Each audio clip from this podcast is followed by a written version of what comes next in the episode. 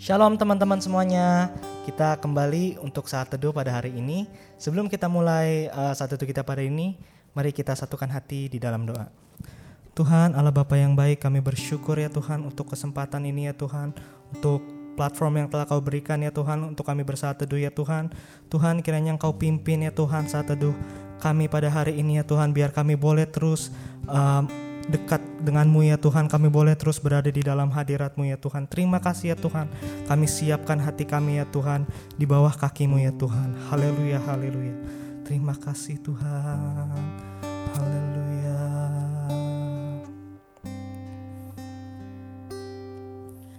Semua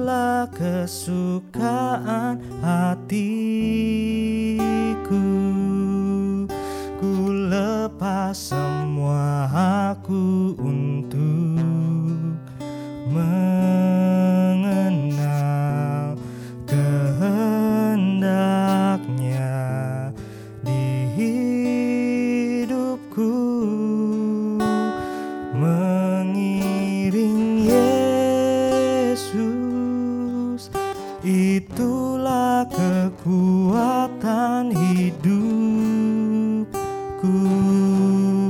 Ku yakin anugerahnya mampu jadikanku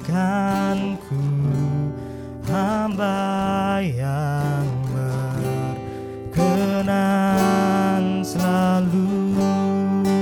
Ini pernyataan hati kami kepadamu Tuhan karena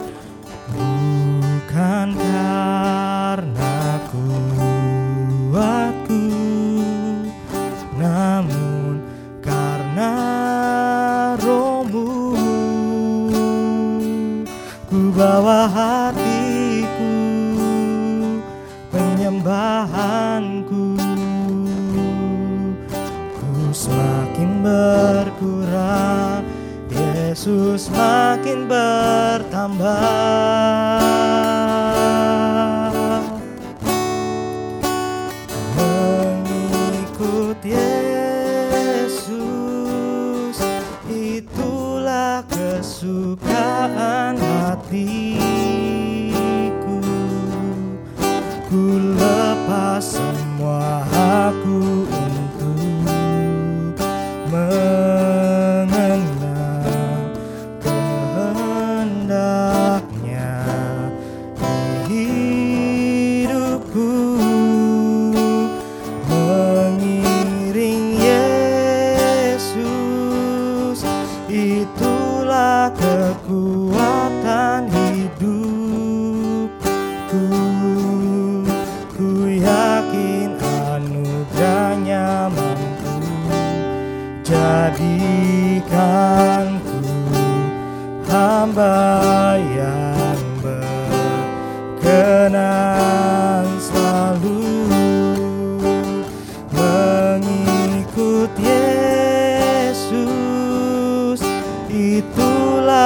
kesukaan hatiku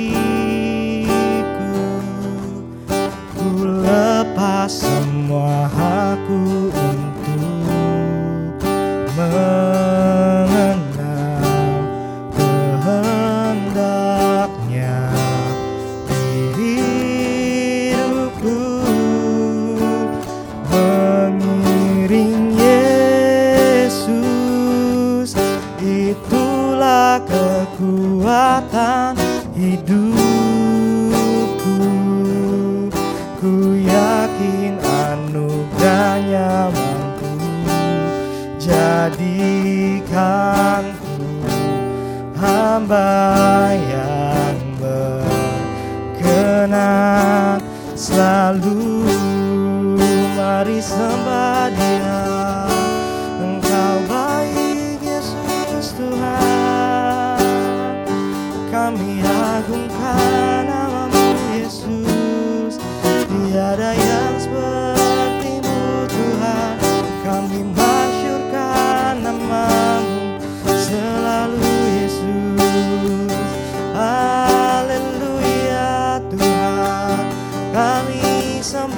Engkau Kami tinggikan namamu. Biarlah syakayaramu Biarlah bayasharabasi Kami sembah Engkau Kami tinggikan Engkau Yesus. Sebab Kau layak disembah Tuhan. Engkau layak ditinggikan. Haleluya Yesus Tuhan Terima kasih Tuhan. Oh iya ralamaya syakaya rabo Iya ramaya syarama Engkau baik Yesus Tuhan. Engkau layak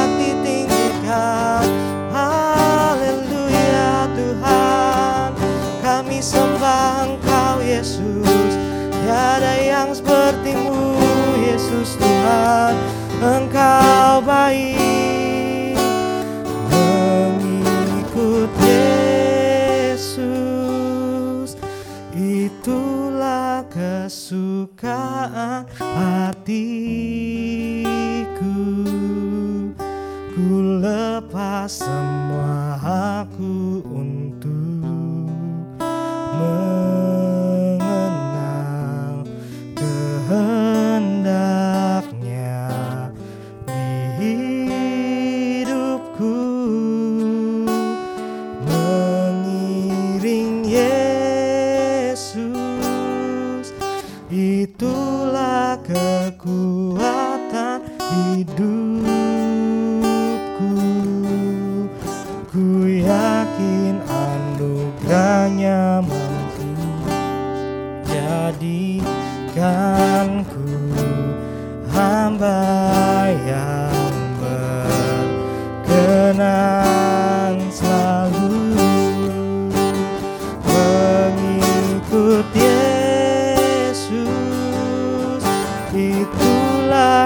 kesukaan hatiku.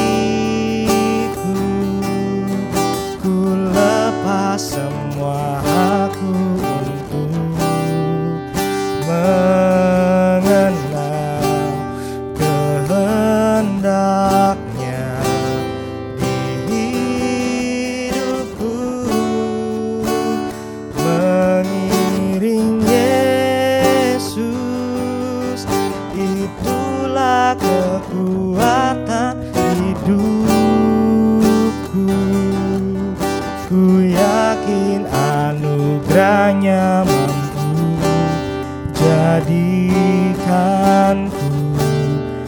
hamba yang berkenan selalu mengikut Yesus.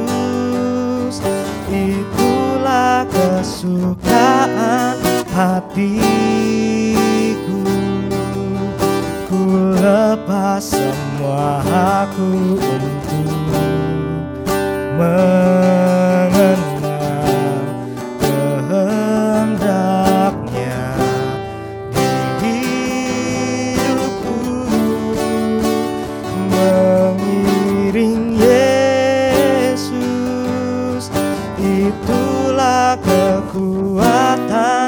hidupku. Ku yakin anugerahnya mampu jadikan ku hamba yang berkenan selalu. Jadikan ku hamba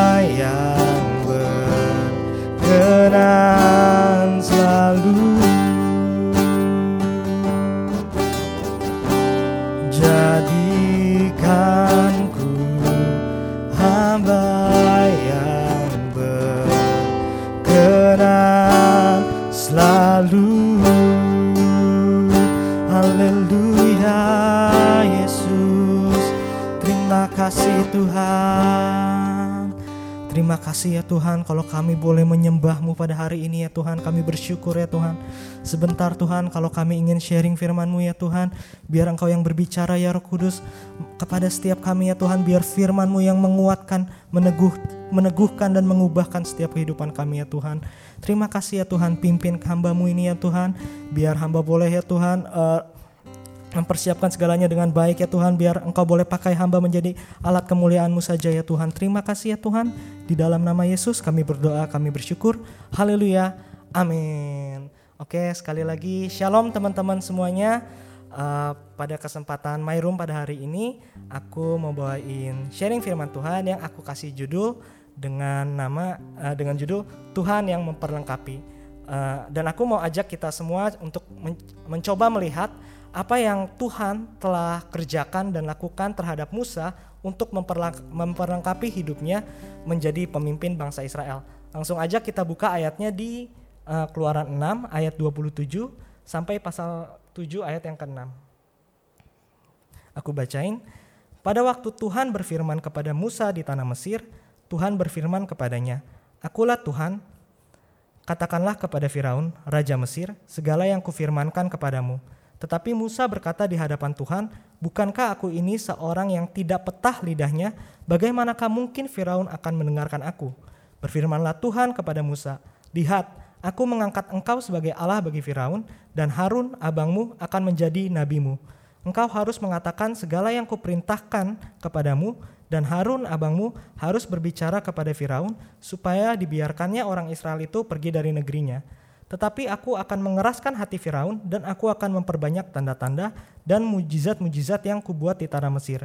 Bila mana Firaun tidak mendengarkan kamu, maka aku akan mendatangkan tanganku kepada Mesir dan mengeluarkan pasukanku, umatku, orang Israel, dari tanah Mesir dengan hukuman-hukuman yang berat. Dan orang Mesir itu akan mengetahui bahwa akulah Tuhan apabila aku mengacungkan tanganku terhadap Mesir dan membawa orang Israel keluar dari tengah-tengah mereka, demikianlah diperbuat Musa dan Harun seperti yang diperintahkan Tuhan kepada mereka, demikianlah diperbuat mereka. Nah, eh, teman-teman, kalau teman-teman baca secara keseluruhan, sebetulnya konteks dari pasal ini itu menceritakan tentang Musa yang pada waktu itu menghadap kepada Firaun.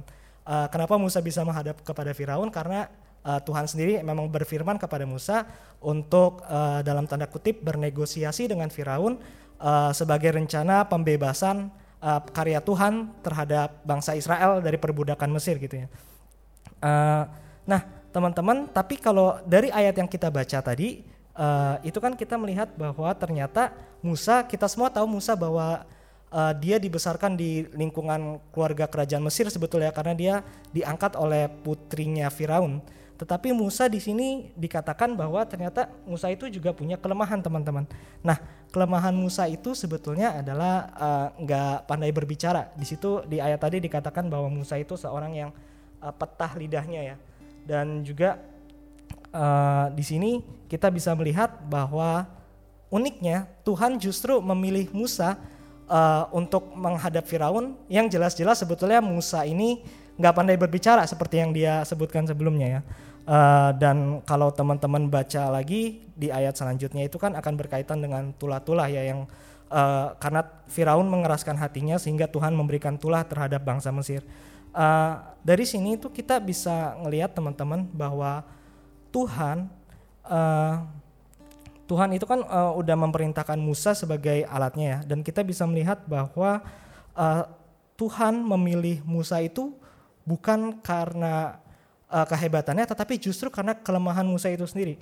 Eh, teman-teman, uh, aku mau lihat kita semua, uh, aku mau ngajak kita semua untuk sama-sama melihat respon dari Musa itu sendiri dalam menanggapi uh, firman Tuhan.